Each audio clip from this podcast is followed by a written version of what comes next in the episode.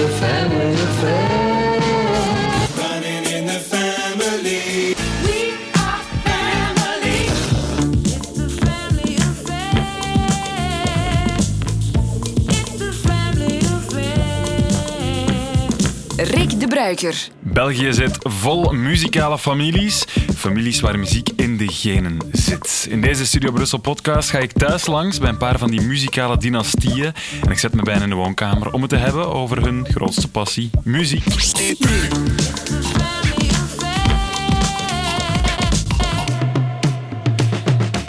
Deze aflevering ga ik langs bij de familie Vermeulen.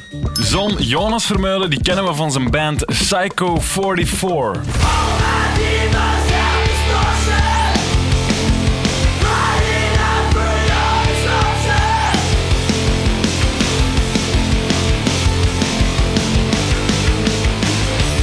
Met deze All My Demons Have Distortion een Belgische classic schreven. Hij stond met zijn band al in de finale van de Rock Rally in het voorprogramma van Queens of the Stone Age en op Pukkelpop, Doer, Groesrock, AB en zelfs het Sportpaleis. Naast gitarist is Jonas Vermeulen ook een heel erg goede acteur. Je zag hem op tv al in De 11e van de 11e en in Vlaamse Velden. Al staat hij vaker op het podium in het theater, in het paleis bijvoorbeeld en bij FC Bergman. En, oh ja, Jonas heeft een dikke hoofdrol te pakken. De hoofdrol in de nieuwe film Zillion. Een film van Robin Pront over de megadiscotheek Zillion, waar nu al enorm veel over gesproken wordt. En Jonas zijn vader, dat is Geert Vermeulen. Een man die we kennen van bij De Nieuwe Snaar. In de hemel is geen Dylan, daarom draaien we hem hier. 30 jaar lang was hij een vaste waarde in de groep. Belgisch bekendste volkgroep misschien wel, die met hun theatertours jarenlang volle zalen trokken in België, Nederland en daarbuiten. Naast muzikant in de bende was hij ook de acrobaat van de nieuwe snaar. Ik herinner me bijvoorbeeld dat hij in draaiende betonmolens kroop, zichzelf katapulteerde over het publiek of ondersteboven een hele show uitspeelde. Ik heb het met de twee over muziek uiteraard, maar ook over kabaal maken. Allee, dat was echt verschrikkelijk hard. Nog altijd. Ook elke zondag. Politie. Over zoeken, Ja, dat geeft heel veel moeilijkheden in het leven en toch vind ik dat schoon. over van elkaar leren. Hoe hard dat hij kon werken aan dingen en eigenlijk echt buiten de lijnen durft te denken dat dat belangrijk is, dat dat iets, dat dat iets veel... Allee, merci. Alsjeblieft. En over hoe muziek ook gewoon een job is. We deden dat op een manier, dachten we er niet over na. Dat was gewoon onze job ook. We waren ook echt, we waren geen vrienden van elkaar. hè. Dat was, dat was gewoon ons werk. Dit is Family Affair met de familie Vermeulen.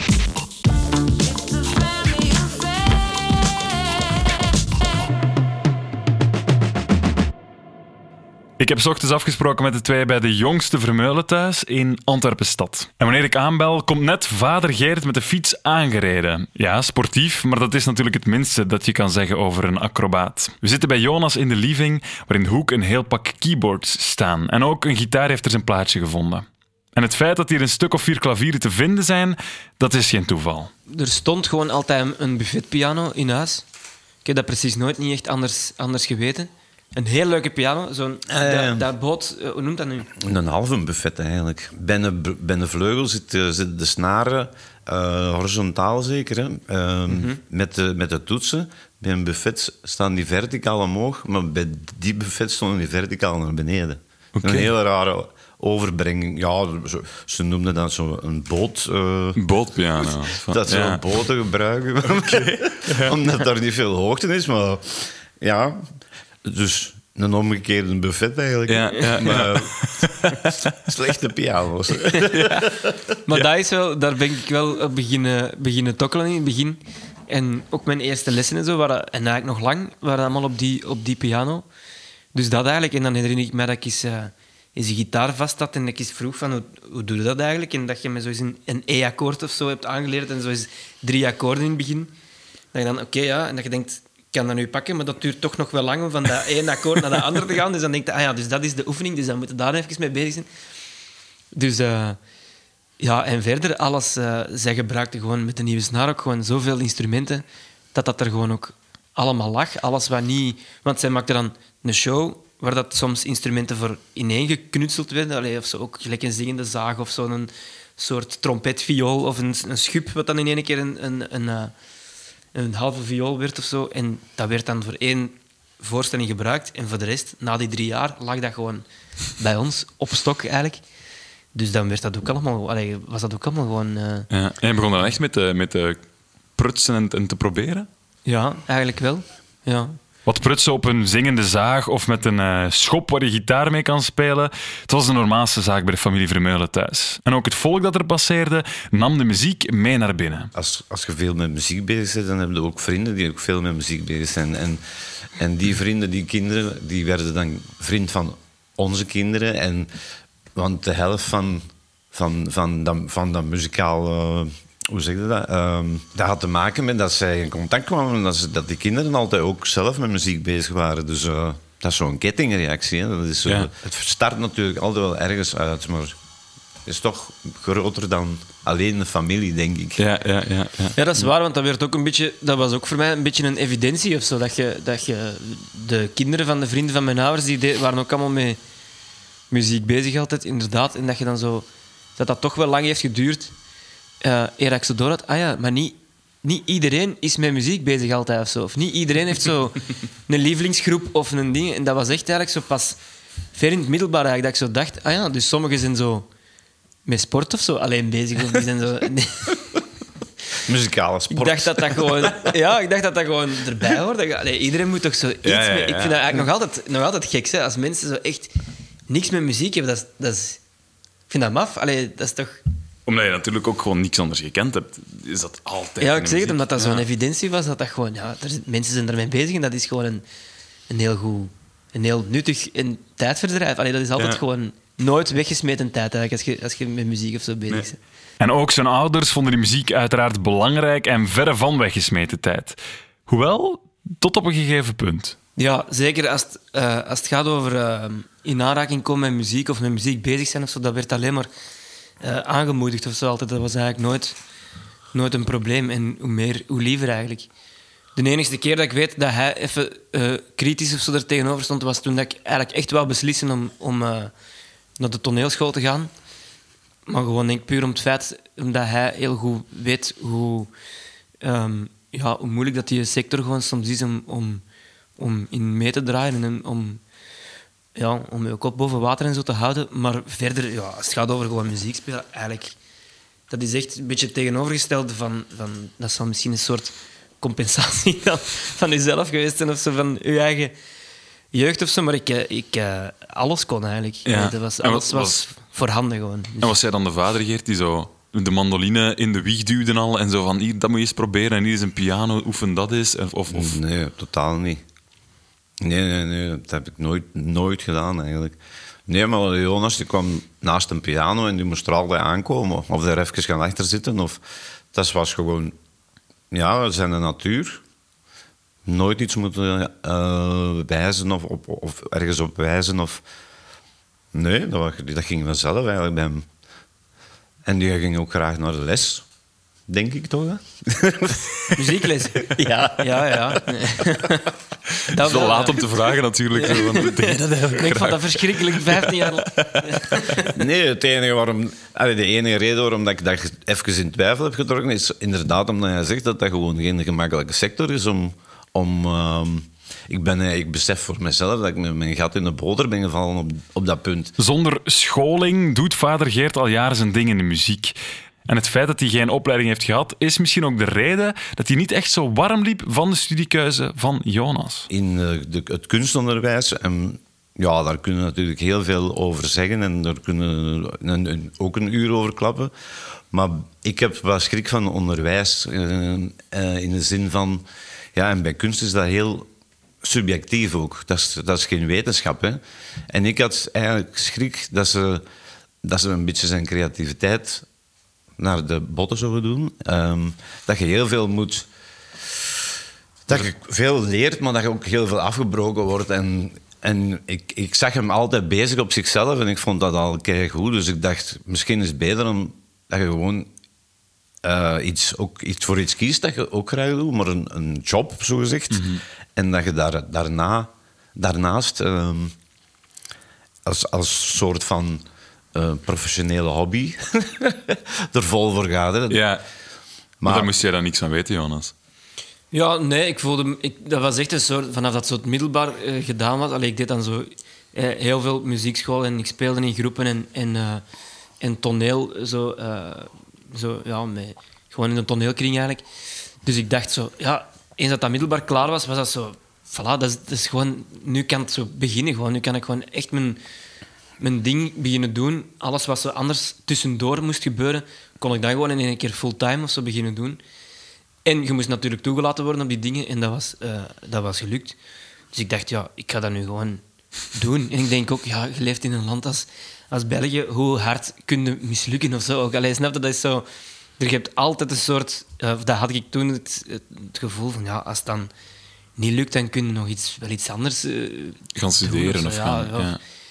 Het is niet dat ik dan ineens al mijn geld op iets zet en dan in de goot of zo ga belanden. Of.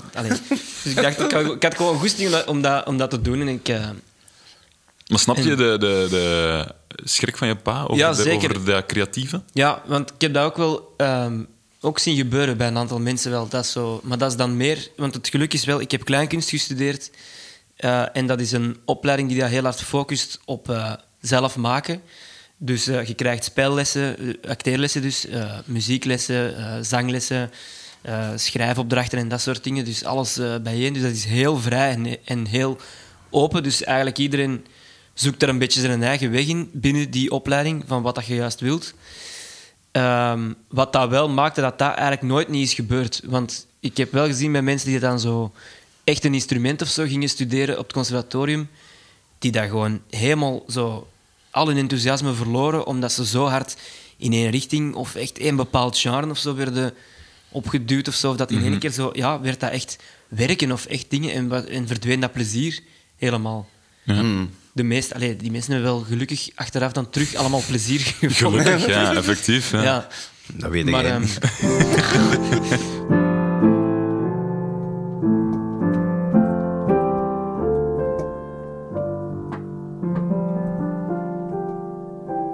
nu vraag jij misschien af van ja, hoe heeft die Geert dat dan allemaal geleerd als hij daar niet voor naar school is gegaan? Ja, mijn moeder die, die speelde wel eh, piano, die heeft al lang gespeeld.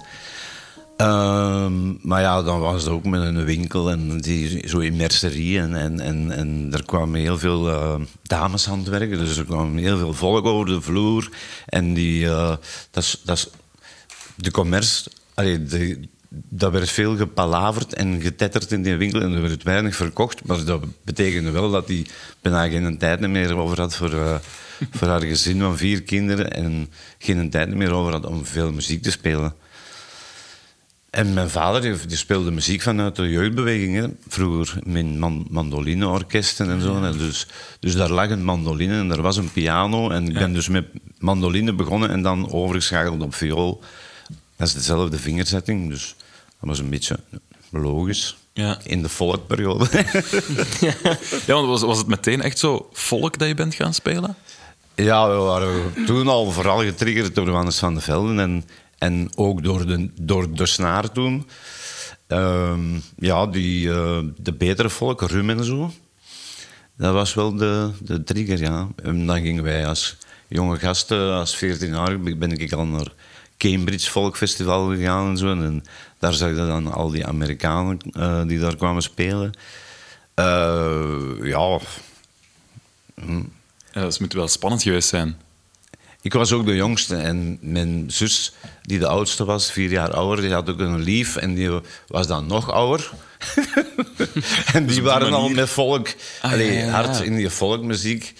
Niet, niet in die kleinkunst, maar in de echte volkmuziek. Zo, hè. De, was dat de eerste keer voor jou dat muziek echt binnenkwam, dat je dat echt voelde? Was dat die volk dan?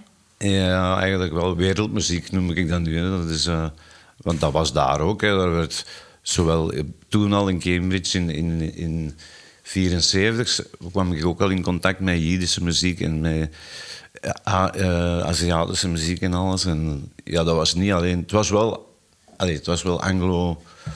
Eh, Amerikaans gericht, dat festival, maar er waren zeker eh, verschillende nationaliteiten die daar gezellig Ja. eh, speelden. En moest je dan, als je zegt van als jonge gast ga ik naar Cambridge, naar dat festival, moest je daar naartoe? Want ik neem aan dat als je in de jaren 70 de radio opendraaide, dat daar niet die klanken uitkwamen. Nee, nee, nee, nee. Dat was nog een aparte afdeling die niet zoveel, eh niet zoveel gehoor kreeg op de radio.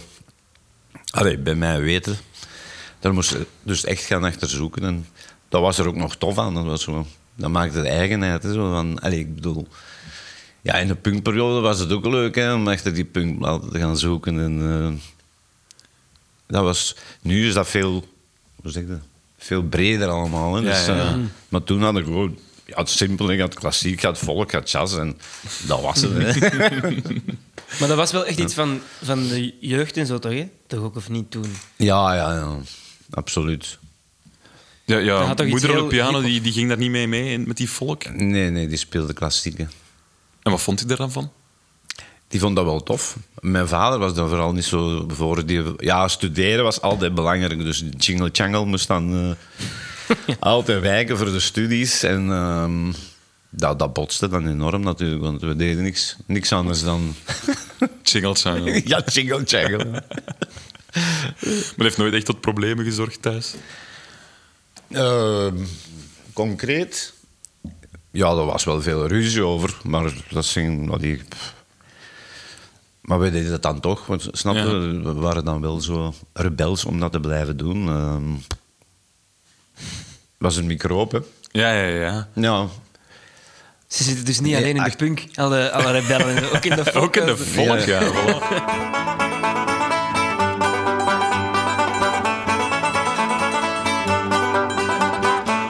Folky klanken die een jonge Geert helemaal wild maakte. Maar ten huize Vermeulen, toen Jonas daar als kind rondliep, was er nog wel meer te horen dan dat. Er was wel veel, zo, want ik, ik, ja, vooral zo de, de folk en de dingen heb ik wel echt geleerd van thuis uit, want daar had ik gewoon anders niet, niet bij eh, gekomen of zo. Maar eigenlijk, ik wil nu zeggen dat ik zo zelf misschien zo echt de rockmuziek en zo heb thuis binnengebracht, maar eigenlijk was dat ook niet waar, want ik heb eigenlijk via mijn ouders ook zo CPX en zo. Dat was eigenlijk zo de eerste eh, herinnering dat ik zo heb aan, aan de zwaardere gitaren. Zo, Clement Peres, eh, ja, cd's, en dan eh, zo meezingen. de Ja. Blood, Blood Sugar Sex Magic van de, van, de, van de Peppers was ook iets wat dat zo af en toe opstond.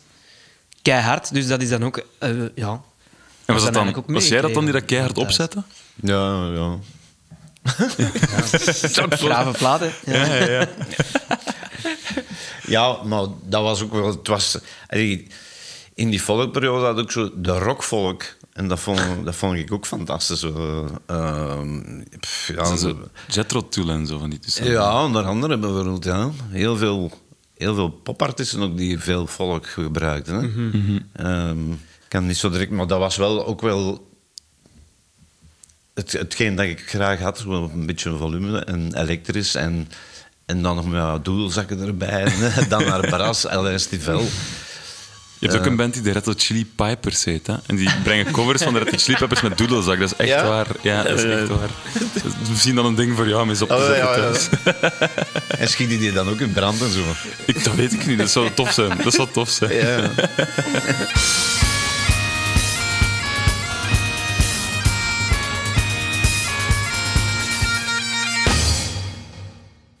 Is nooit een, een echte punkperiode geweest voor jou. Nee, nee, nee, nee. Nu doe ik dat eigenlijk meer. Echt? Ja. Zo wat rammen thuis en eh, elektrisch. In de, in de repetitiekot dan gewoon echt... eh, Ja, ik vind dat wel tof. Zo nog nawee. nu dat je zo ontdekt van hoe doet die Jonas dat? En dan zo dat proberen... Maar ik heb er wel wat schrik van gekregen, want ik ben aan de ene kant doof ge- geweest, zes maanden. En Oei. Dan ben ik, toen ben ik wel even geschrokken. En het is wel niet van te luid spelen of zo. Het is meer zo'n, iets, een connectie in de hersenen of zo. Maar dat is wel een periode van dat ik, eh, dat ik even heb afgezien. In de zin van hoe belangrijk dat, dat is, eh, je gehoor. En om, om je leven te, le- fatsoenlijk te leiden. Hè. Ja, ja. Als je niet meer kunt communiceren, je kunt niet meer muziek spelen, je kunt geen muziek niet meer horen. Maar ik heb toen echt... eh, toen zat ik even wel... Allee, Ik kan me dat voorstellen. Depressie. Ja, want het was ook aan de, ja. volgens mij aan de kant toch dat je je viool houdt, hè? nee, juist niet. Nee, Ah, nee. want de viool ligt links en, en het was aan mijn rechteroor. Dus, eh, Ik, ik Maar kan is en is het dan gelukkig- dat je ermee opstaat op een bepaalde dag en ineens door hebt... Fuck, ik hoor niks meer langs... ja, eigenlijk wel, ja. Dat was redelijk ja, plots, gewoon die bassen en die, en die hoge tonen waren al weg. Ik hoorde alleen maar mid. Ja. En dan ook eh, vervormd, zoals een, zoals een, een kapotte speaker.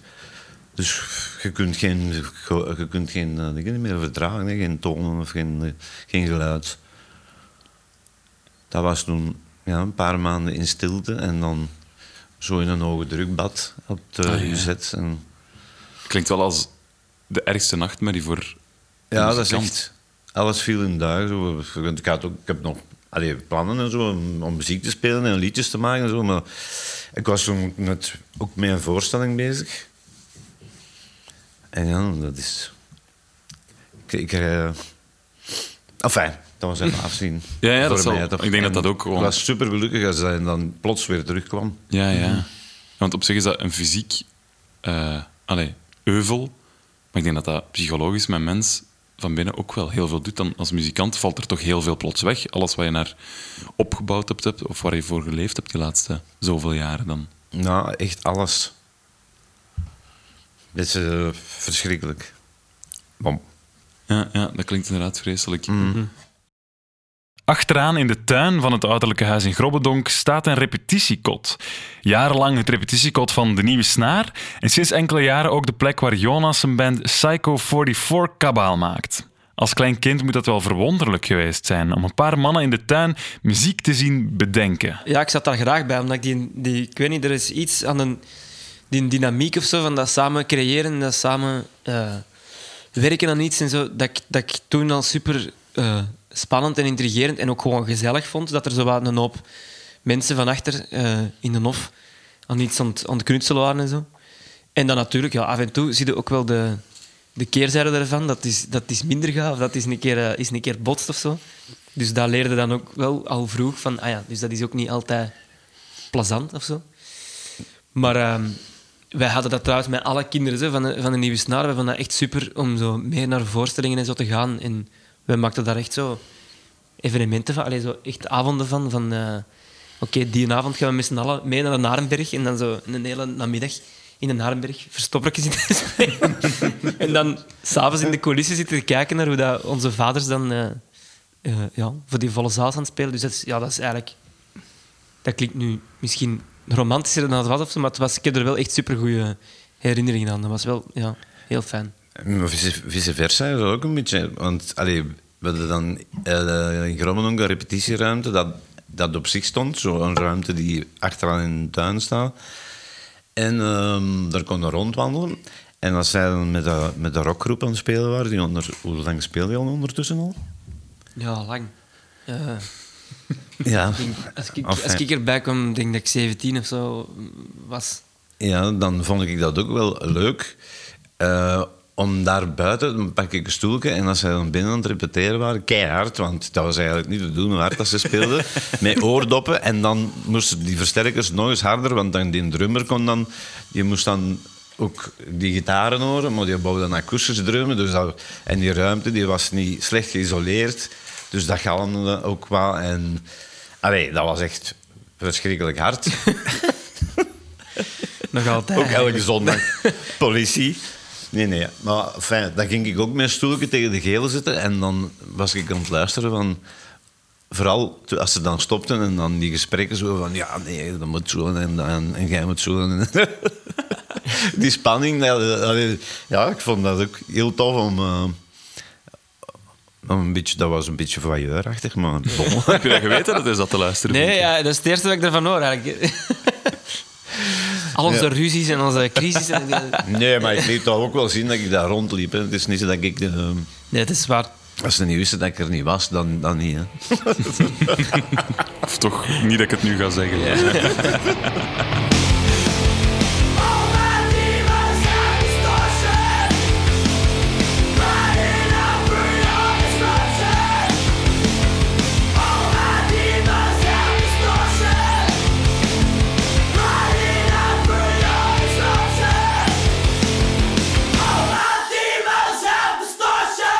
beetje bespieden, we zullen het op de vaderlijke trots steken. En die trots die komt soms ook in het theater naar boven. Hij heeft eens een keer, eh, hoe heet dat programma? Van Dimitri Leu, denk ik, dat je in het paleis hebt geoefend. Oei, yo. Ah ja, ja. Ja, dat was echt... Dat was heel doors... Allee, doorslaggevend zou ik niet zeggen, want ik had al vroeger bij hem gemerkt dat ik, als ik naar hem kijk, dat dan precies een zo wat motorisch eh, een, een blauwdruk is van, van mij, hoe dat ik daar sta. En, allee, het is natuurlijk wel... Dat was mijn, mijn, eh, mijn stage in het paleis. En Ja. eh, dat was een kindervoorstelling ook met heel veel circus en, en eh, acrobatie. En zo. En ik denk vandaar dat... ah, ja. Ja, en ook met kleine instrumentjes, en een elektrische mandoline en zo, en eh, een zingende zaag. En wat zat er allemaal in? En je dacht, verdikke, die is net als mij. een trompet ook, denk ik, hè? Nee, daar niet, denk ik. blaasinstrument. Of wel? Nee, ik denk Enfin, dat was, die zingende iedereen kwam dat zeggen, oh, dat is precies zijn vader die daar staat.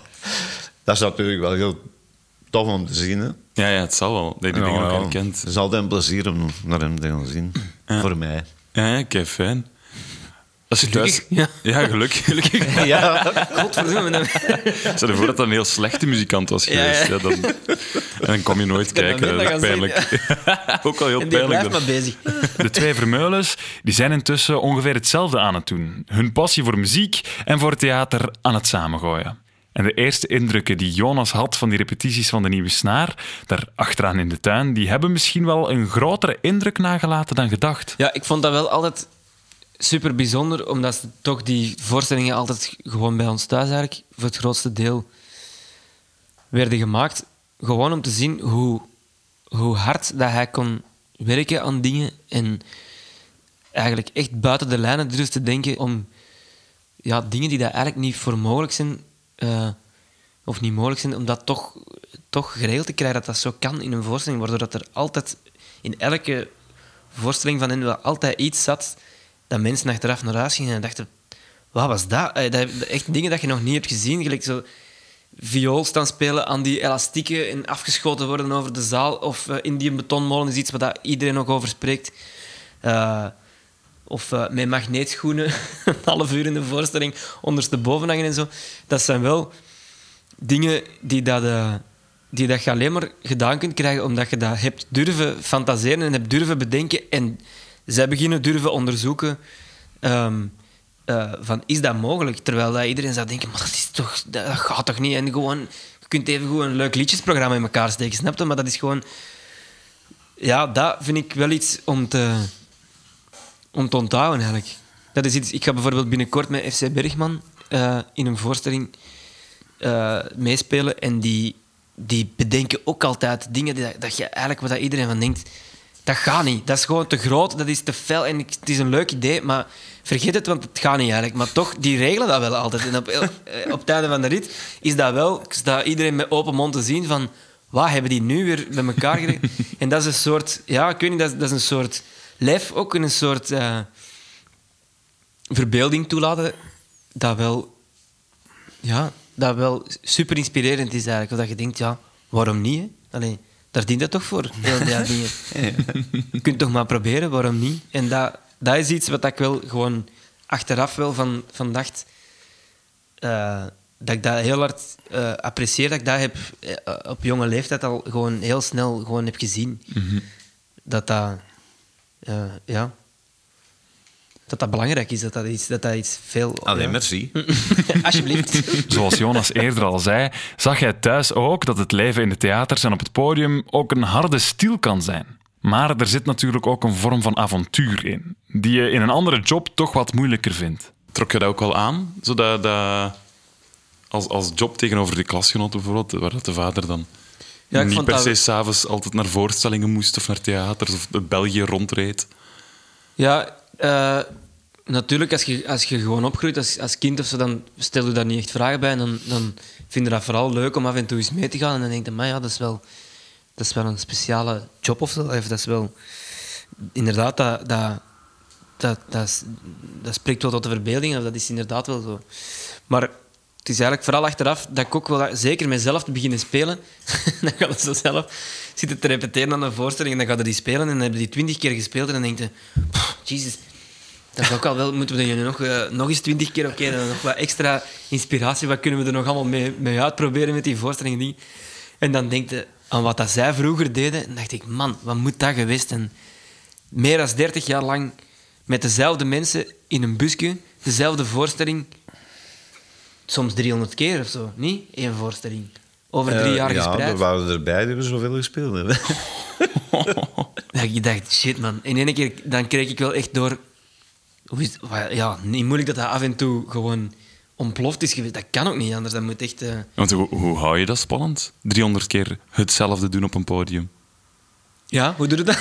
dat zou ik ook. Eh, ja, goede vraag. Ehm, ik denk dat dat... ehm, in het begin weet ik dat ook niet, hoe dat we dat deden. Eh, wij speelden gewoon... Dat was al... Om te kunnen spelen, dat was al plezant. Dus dat was onze job. En dan nadien is er een systeem ingekomen om... Ja, eh, omdat we dan in seizoenen in, in theater gingen spelen. En... ehm, dan hadden we het eerste, eh, ja, we speelden dan het eerste seizoen de nieuwe, zal ik zeggen, de nieuwe voorstelling, die dat, dat altijd spannend bleef, omdat het nieuw was. En dan het tweede seizoen was dat eigenlijk spelen, maar dan konden wij thuis nog verbouwing doen ondertussen, want dan kenden we die voorstelling al van binnen en van buiten. Dus, en dan het derde seizoen speelden we die ook nog een stuk, maar dan waren we wel bezig met terug te creëren voor een nieuwe. En zo, dat systeem hebben wij wel een tijd volgehouden. En dan hadden wij altijd zicht op van, ah, er komt een periode aan dat we nog pff, andere dingen kunnen doen, dat er ruimte is om iets anders te doen overdag. En dan is het weer een ruimte van concentreren en dan is het weer een ruimte, ja, allee, ik- Ja, want je werkte soms ook een jaar of zo toch aan een, aan een nieuwe voorstelling, niet? Ja, ja Allee. dat duurde al dus tien maanden of zo. Ja. Dat begon met één keer te repeteren in de week tot dan Ja. intense repetities, hè, wel elke dag. Ja. En als je zegt van, eh, ja, Met alle- zit continu 30 jaar lang met dezelfde mensen in een busje. Ja, ik kan me ook wel voorstellen dat dat soms ook wel dat je geen zin hebt om met diezelfde mensen in een busje te gaan zitten op sommige dagen. Ja, maar op een of andere manier dachten we er niet over na. Dat was gewoon onze job ook. We waren ook echt... We waren geen vrienden van elkaar. Dat, was, dat was gewoon ons werk. Ehm, ja. En dat beseften we ook allemaal. Wij lieten elkaar ook gerust. Overdag of... ehm, ja, we hadden intense contacten bij, bij die creatie en zo. Maar dan haalden we er ook een regisseur bij en, en wat andere mensen om toch die, Ja. het wat te verbreden, zal ik zeggen. Uiteindelijk moesten wij het wel met drie of vier doen. Maar dan werd het toch een beetje een, een team. Ja. Hoe moeilijk dat dat ook soms was. Maar Ja, Want als je zegt, we waren geen vrienden, jij bent er ook later bijgekomen bij de nieuwe snaar. ja, Is dat dan in die 30 jaar, blijft dat bij collega's? eh, ja. Wordt nooit echt een heel vriendschappelijke band. Of, eh, want je ziet elkaar wekelijks, meerdere keren per week waarschijnlijk. Eh, toen wel, maar nu niet meer. Nee. Dat is echt een zakelijke... eh, ja, dat was ons een beetje een bedrijfje zeker. Dat, eh, dat, dat zo werkt. Ja, dat, is, dat zijn voor- en zijn nadelen. Ehm, maar op de een of andere manier heb ik er keigoed een tijd mee gehad. En, en nu, nu achteraf met erop terug te kijken, zie ik ook hoe dat, dat werkte. Ja. En al, al die mensen die, die hadden verschillende kwaliteiten in die groep. En dat matchte gewoon. En dat hield dat staande. Ja. En eh, als wij ergens naartoe reden om te spelen, werd er nooit iets gezegd in de, in de auto. Dan las iedereen zijn gezet. Als we terugkwamen, werd er wel gepraat. Maar er, werd ook, er is nooit, denk ik, op die 30 jaar één keer over vrouwen gepraat in, in het busje. Dat werd gewoon niet gedaan. Dat was gewoon... Ja, en dat doen vrienden onder elkaar wel. Hè. Dat, Ja. en- ja is dat bij Psycho 44 lijkt me dat dan Dat gaat wel te gebeuren. Ik ga dat alleen maar hoor. Nee, maar dat was toch... Ja, het was echt eh, onder de collega's dan eerder een, een, een werkethiek die daarin zit. Of zo. Want ik kan me voorstellen bij jou, Jonas, Psycho 44, dat zijn echt een paar kameraden die dat dan gestart zijn als jonge gasten. Dat is dan toch net iets anders. Of, of kan jij je dat voorstellen dat je nu nog 30 jaar verder speelt en dat dan...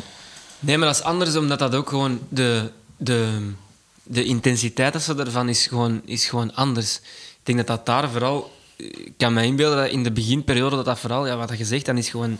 Spelen is gewoon leuk, omdat je gewoon voelt dat je kunt gaan spelen en dat je... Het feit al dat je dat mocht gaan doen, is al, is al, is al super eigenlijk, of is al fantastisch. Maar als dat gewoon een evidentie wordt, van nou ja, dan spelen we dat, eh, dat jaar honderd keer, dan dat jaar daarna nog eens honderd keer en dan nog eens honderd keer, ja, dan zit je gewoon in een soort andere... ehm, andere constellatie of zo. En bij, bij Psycho is dat zo. Nu hebben wij ook, wij zijn ook lang even eh, weg geweest. We hebben er lang over gedaan om een, om een nieuwe plaat te maken. En zeker nu is dat vooral, als, als wij kunnen bezig zijn en als wij mogen bezig zijn met die groep en mogen gaan spelen, is dat gewoon, is het al een feest op zich eigenlijk. Snap je? Dan is het eigenlijk al, dan is het al goed. Dus dat is, dat is, dan heb je ook een soort andere band of zo met die. Ja. En ondanks dat de nieuwe snaar vooral een grodeerd team was die het professionalisme boven de vriendschap zette, weet Geert maar al te goed dat hij die 30 jaar iets ergs uniek heeft meegemaakt. Iets waar je niet zo gemakkelijk van bekomt ook. Was dat verschieten in het begin? Als, als je zegt, alleen na 30 jaar ergens mee te stoppen, is dat dan verschieten dat er een. Of, of dat je plots merkt dat er een einde is aan die dynamieken van die creativiteit? Van die... Ja, ja, ja, natuurlijk. Absoluut. Allee, dat was echt een, een eenmalige, ongelooflijke ervaring, denk ik. Dat dat gewoon... Wij, wij, hadden gewoon, wij speelden, al die tournee zat gewoon vol. We speelden vijf keer in de week. Of vier keer, eh, tot en met eh, december. De, de, de laatste hebben we in de Roma gespeeld in december 2013. En dan hebben we nog één keer Sportpaleis gedaan. 2014 in uh, Nekkanacht. eh, En toen was het gedaan. Maar echt gedaan, hè. Niet meer spelen, geen inkomen meer. eh, nul inkomen. ehm, ja, alleen op de wereld. en dan, dat viel nog mee, zal ik zeggen. Maar dan kwam, dan kwam de zomer en dan werd niet gespeeld. Maar dan kwam de herfst. En dan eh, zat ik op mijn appartementje en die herfst, dat herinner ik mij nog heel goed. Ik was redelijk naïef, dus ik dacht er gaat wel wat nieuw komen en zo, maar er kwam niks. Er kwam niks nieuw. Eh, niemand kon vragen van, eh, kom je met mij spelen? dus, en die avonden, het zo om vijf uur donker werd, en dat, dat ik dan op mijn appartement zat, en dan ik dacht van, shit, hoe ga ik hier de avond doorkrijgen? Ja, dat was wel echt om, ja. heel... eh, ehm, nou, toch gewoon een redelijk moeilijke herfst Ja. en winter. Merkte jij dat dan ook van je pa? Dat, hij er dan, allee, dat dat dan moeilijk is? Ja, ja. Want ik denk ook dat dat logisch is dat je... Want hoe dat zij hun carrière, zeker de laatste jaren... Hoe dat zij ehm, de laatste jaren werkte en hoe dat de rest van het veld in de, de culturele sector er begon uit te zien en hoe dat de evoluties daar waren, dat lag echt zo ver uit elkaar. Want ik kwam, ik kwam van school en dan was dat echt... Ja, als je bij de grote huizen zit, de grote theaterhuizen, is het iets anders. Maar anders moet je blij zijn dat je, dat je 15, 20 voorstellingen kunt doen. Dan heb je het waanzinnig goed verkocht. En zij, ik zeg het ja, 100 per jaar. Dus ik wist, dat, dat ligt mijlenver uit elkaar. Dus dat wordt, dat wordt gewoon aanpassen. Gewoon. Allee, dat wordt gewoon even hard. Ja, dat, want dat, ja, dan staat er gewoon terug tussen de rest eigenlijk. Of zo, Ja. hè, als, je, als die de- structuur of zo wegvalt. En ben je dan de gast die dan zo wel wat meer gaat bellen af en toe om te vragen, ça va? En, eh, Ja, ik was wel altijd gewoon super benieuwd hoe dat, de- wat dat de plannen waren en wat dat, die, eh, wat dat hij allemaal ging, ging doen en zo nog. En, en omdat ik dat ook wel best uniek vind met wat hij altijd afkomt en zo. Dus ik dacht, ik was wel benieuwd naar wat het er allemaal ging. eh, Maar ik vond toen, allee, ja, dat er dan geen inkomen is en, en dat je dan niet kunt gaan, allee, dat je dan ehm, ja, ineens alleen staat, dat, dat is een schoon gegeven, vond ik wel. en op welke manier? Ik vond dat wel heel hard ook, op, die, op een of andere manier, maar dat is heel confronterend. En dat zijn ook wel dingen die, die mij interesseren. Zo van, ja, wat ga je nu doen? Hè? Wat ga je ermee doen? Want al die aandacht dat je gekregen hebt, al die jaren... Hè, want we hebben tenslotte... eh, ik, ik heb veel complimenten gekregen na elke voorstelling en een nieuwe snaring. Cd's verkopen en kwamen altijd mensen zeggen van hoe goed ze het vonden en, en, en schouderklopjes en kussen zelfs en weet ik wat allemaal. En echt heel veel aandacht gekregen eigenlijk. Maar ik ben niet iemand dat, dat erop kikt. Maar het, doet mij ook wel iets. Als je aandacht krijgt, heel veel mensen staan alleen, zelfs om, alleen om die reden op een podium aandacht te krijgen. Dus ja, bij ons was dat zeker niet, want dat was ergens iets dat eruit moest. Dat, eh, Ja. dat was duidelijk. Ehm, en er komt ook stress bij en alles. Dat is dan weer voor andere muzikanten of, of, of, of te veel of zo. Ja. En, allee, het is een heel complex gegeven waarom dat iemand iets op een podium gaat staan te doen. En, en ik draaide dat dan om naar dat alleen zijn en dat alleen dan na heel die periode op je appartement zitten. En wat ga je nu doen? Ga je nu eh, beginnen drinken of ga je nog wat drugs pakken? Of, of, eh, of wat ga je daarmee doen? Of ga je, er iets, iets tof mee doen en dat, dat, dat, on- dat onderzoeken? Hè? Op onderzoek naar een nieuw avontuur. Na 30 jaar hetzelfde. Maar wel 30 jaar met ups en downs, soms wat ambras, maar toch ook een heel pak plezier. En die zoektocht die is, gek genoeg, op de Vermeulen zijn lijf geschreven. En ik, ben- een zoekende mens en dat brengt ook heel veel spanning en heel veel... eh, Is dat een eigenschap van de familie Vermeulen? Planttrekkerij en, en, en op zoek gaan? Vooral dat ze op zoek gaan, denk ik. Ja, dat eindeloos... eh, dat ze zoeken en dat, is, ja, dat geeft heel veel moeilijkheden in het leven. En toch vind ik dat schoon. En eh, hoe moeilijk dat, dat ook is. En allee, ik hoop dat dat voor hem iets minder moeilijk is dan voor mij.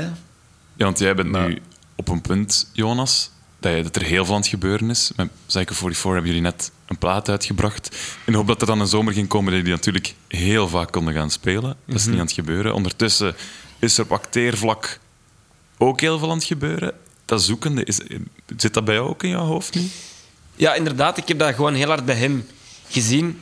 Ehm, en nog steeds dat zoeken en jezelf in twijfel durven trekken. En daar maakt het jezelf en je omgeving niet gemakkelijk mee. Moeten we eerlijk in zijn. Dat is gewoon, het is gewoon handiger om in je stoel achteruit te gaan zitten en denken... Ik heb het alles eh, eh, ja, Onder controle. onder controle en zo. Maar dat is, is dat het interessantste, is de vraag. En ook, is dat waar? Allee. Dus ik denk zeker als je artistiek en zo bezig bent en als je zelf dingen wilt maken en zo, denk ik dat het altijd waardevol is om... Of ik vind die mensen, of die artiesten toch altijd het meest waardevol die dat zichzelf blijven in vraag stellen en blijven uitdagen. En, en dat is iets waar ik zelf wel mee worstel om daarom is, is eh, Psycho 44 ook zo leuk, omdat dat gewoon, ja, dat blijft gewoon creëren en we, we maken dingen samen en, en dat, er komt iets van ons alle vier altijd in samen, wat, dat we, wat dat we leuk en goed vinden. Ehm, maar ja, ik heb nog wel echt ook ambities om, om nog zelf theaterdingen en zo, eh, theatervoorstellingen en zo te maken. Wat soms moeilijk wordt als je, als je veel jobaanbiedingen van buitenaf, dus in andermans projecten eigenlijk, eh, daarvoor wordt gevraagd of daarin meestapt. Dus is op dit moment Dus trek je vooral zo jezelf in vraag wat wil ik dan echt gaan doen? Of? Ehm, nee, want ik wil dat ook allemaal echt doen. Want ik zeg, want ik zeg ook dingen soms niet toe. Allee, het is echt niet dat ik elke vraag dat, dat, bij mij ik denk, ja, is goed. Absoluut niet. Maar ehm, het, is, het is vooral als je zelf dingen wilt maken of als je zelf dingen wilt creëren, je, je vraagt daar ook wel wat van, van jezelf of zo. Dat is wel...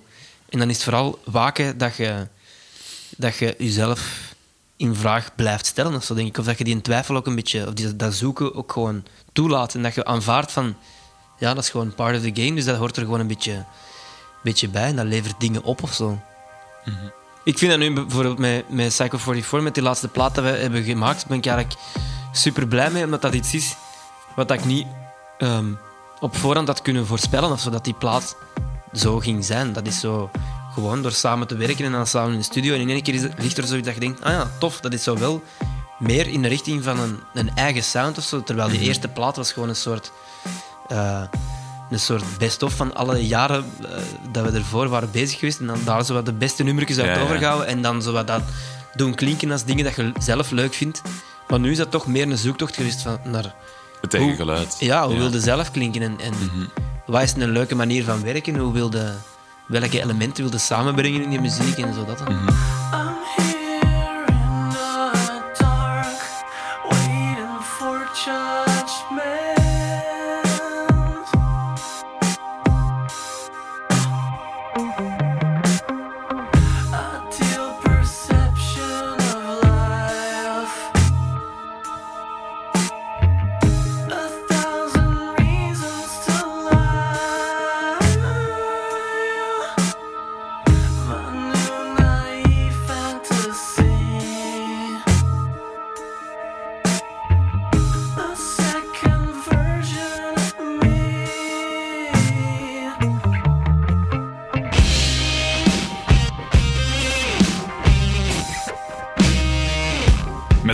Psycho 44 hebben Jonas en zijn maten eindelijk hun sound gevonden.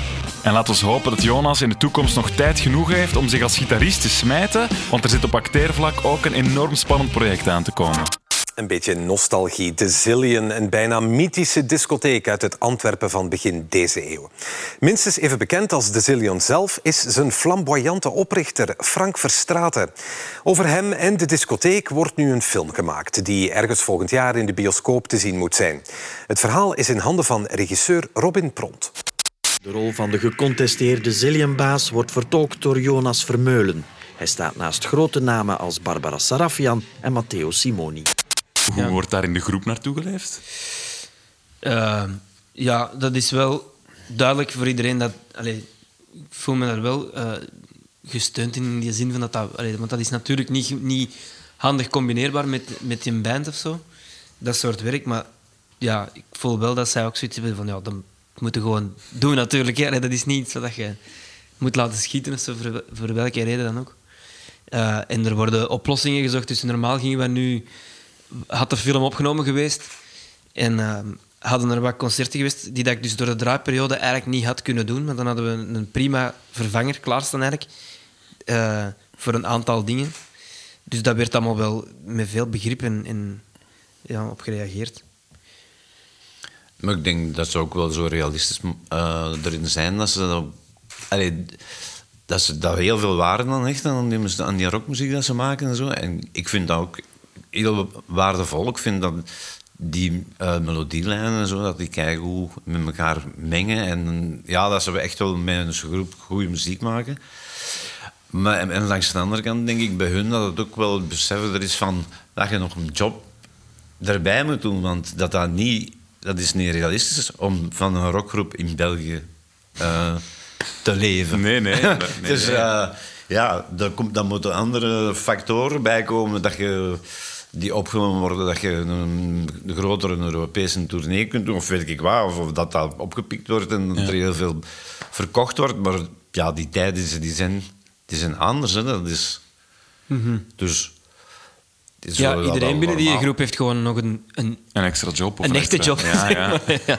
Omdat dat gewoon ja, niet van, dat, van die orde is momenteel dat dat, dat, dat kan of zo, om daar fulltime mee bezig te zijn. Ja, dan is op zich wel gek wat jij 30 jaar hebt kunnen meemaken ook. Ja, dat is sinds, sinds een 10, 15 jaar dat er over flexibiliteit ge- gesproken wordt. Daarvoor deden wij gewoon van alles. En, en, en, en iemand die speelde dan bij die groep en, en iemand speelde bij een andere groep. Maar dat was niet van een die en een die speelt overal bij. En nu is dat wel. En nu komen mensen samen, die maken iets, maar ondertussen zijn die al aan het bellen en aan het chatten en aan het doen over een ander project dat ze ergens anders ook moeten doen. Dat is voor mij heel raar. Ja. Met zo, allee, ik heb zo een, een soort tentvoorstelling gemaakt. eh, met Compagnie Lodewijk Louis. En dat zijn jongere mensen, zal ik zeggen. En die zaten er constant bezig met ja, ook andere projecten te doen. En dan achteraf, dan zie je die ook niet meer. Dat is echt zo, ja. Dat is eh, voor mij heel, heel, heel, heel raar. Na 30 jaar is dat een serieuze aanpassing voor vader Vermeulen. Maar een acrobaat die landt altijd op zijn pootjes, toch? En hoe Jonas als kind vroeger opkeek naar zijn vader op het podium, zo kijkt zijn vader nu op naar zijn eigen zoon. Is er iets waar jij bij Jonas naar, naar opkijkt en denkt van, apprecieert? Niks. Ja. Kijk, denk, als je naar je zoon ziet en je ziet hem spelen of je ziet hem bezig met muziek, zijn er dingen waar jij denkt van, ah ja, kan ik iets van leren? Daar, of wat je echt waardeert in, in wat hij doet? Ehm, ja, ja, ja. Eh, over zijn muziek heb ik het daar net al gehad. Dat, ik vind dat hij wel een echte muzikant is en heel goed speelt. En de andere mensen, allee, gelijk John Bowden, die, heeft hem ook zien spelen. Die zei direct, oh, dat is een die niet heel zijn leven dus een kost gaat kunnen verdienen. Dat zie je zo. en, dat op zich vind ik fantastisch aan hem. Dat hem, dat hem dat is toch plezant als je kunt werken en, en, en, en, en, en uw werk is uw passie ook. Dat is, dat is ook een van, zijn, van de drijfveren. Eh, maar daarbuiten, wat ik eh, heel tof vind om te zien aan hem, is dat, dat heel veel mensen hem graag hebben. En eh, de laatste keer, bijvoorbeeld, als wij gespeeld hebben met een nieuwe snaar in het Sportpaleis, dan heeft hij dat zangkoor deed ook mee. En dan was er nog, ja, dus Psycho, die speelde dan ook een nummer van ons. En dan, eh, wij waren er dan ook nog eens bij. Ehm, Ik had En- eigenlijk een soort... Een, En want dan- ze hadden wat gasten op de nek toen en ik had een soort bewerking gemaakt eigenlijk om met Psycho te spelen met alle kinderen van de Nieuwe Snaar.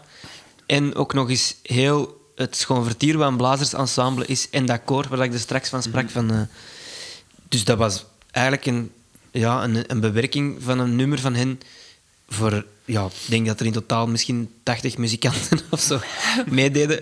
Want ik dacht, ja, ze staan voor de laatste keer in het Sportpaleis. Ik dacht, als ik ene keer in het Sportpaleis wil gestaan hebben en iets wil gedaan hebben, dan moet het nu en dan is het op die manier. Dus ik dacht, die kans ga ik niet laten, niet laten schieten. En dat was super. Allee, sorry dat ik even onderbreek, maar dan, dan, om zo te gaan repeteren met al die verschillende departementen, dat was echt... eh, Ja, daar ben ik dan niet bij geweest. Maar dan de, de moment dat die departementen samenkwamen in die grote hal eh, in Laagdal. ehm, en dan was er een repetitie, maar dat moest heel efficiënt en heel... En dat moest vooruit gaan. Eh, Ja, je staat er met honderd mensen, dus die... Ja, en dan liep hij daar zo rond en aanwijzingen geven. En, en iedereen pakt dat van hem en, en vindt dat fantastisch hoe dat hij dat doet. De manier hoe dat hij zo dat regisseert, die muziek dan regisseert op zich. Je voelt dat er mensen respect voor hem en, en dat die dat graag doen voor hem. Dat, dat vind ik zo tof. Dat je, dat, je kunt goede dirigenten hebben, maar dan assholes van, van mensen, bij wijze van spreken. maar als je dan ook nog een toffe mens bent en je kunt dan heel dat orkest, heel dat orkest enthousiast maken, dat is toch super schoon. Dat vind ik een van Dat zijn was wel een grootste unieke kwaliteiten. ervaring ook wel. Dat was wel... Ja, dat geloof ik. Ja, Ja, zoveel volk. Er kwam veel in samen eigenlijk in dat moment. kwam, Omdat dat ja. gewoon met Psycho was, ook met alle kinderen van de Nieuwe Snaar. En dan zo dat koor, wat ik zei, want dat is mijn vroegste muzikale herinnering Ja. misschien. En dan het afsluiten van de Nieuwe Snaar. Dat gebeurde allemaal daar eigenlijk op die acht minuten in het Sportpaleis. dus dat was, dat was leuk, ja. Dat was gezellig. Dat was tof. Ja. En hij had dan nog een nummer gekozen dat ik geschreven had, dus Dus helemaal content. dat vond ik ook heel tof. De regen valt bij bakken naar beneden, naar beneden. Het is de wet van de natuur, dat valt wel mee, dat valt wel mee. En ik mag er niet om wenen, niet om wenen, niet om wenen. Maar ik lig ervan te dromen, elke nacht, elke nacht. De natuur heeft haar wetten veranderd. En we zijn niet op de hoogte van haar plannen. En is het niet de hoogste tijd te redden wat te redden valt voor de kinderen van de kinderen van onze kinderen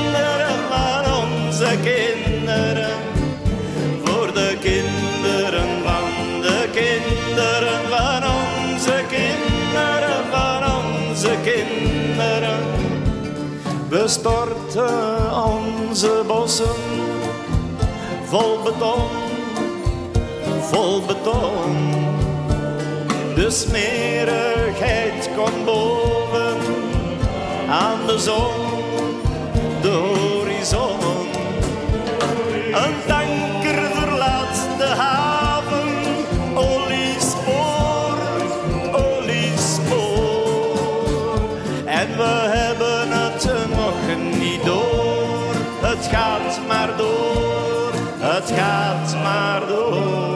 zo eindigde Geert zijn 30 jaar bij de Nieuwe Snaar in het Sportpaleis met zijn zoon aan zijn zijde. Dit was Family Affair met de familie Vermeulen. Elke aflevering stap ik binnen bij een muzikale familie. Of beter, stapte ik binnen bij een muzikale familie, want dit is de laatste aflevering van de reeks. Ik ga hier een pauze laten, zodat jij zo oh kan roepen. Maar hey, sowieso dat er meer aankomt. Met families misschien, maar sowieso met muziek. Ik ben Rick de Bruiker en nu we de laatste aflevering hebben gehad, ben ik zeker heel erg benieuwd naar wat jij van deze podcast vond. Dat mag je mij altijd laten weten door eh, sterren te geven in je app of door me een berichtje te laten op Instagram, Rick de Bruiker. En je weet het, zorg daar nog goed voor jezelf en voor je familie natuurlijk. Tot de volgende.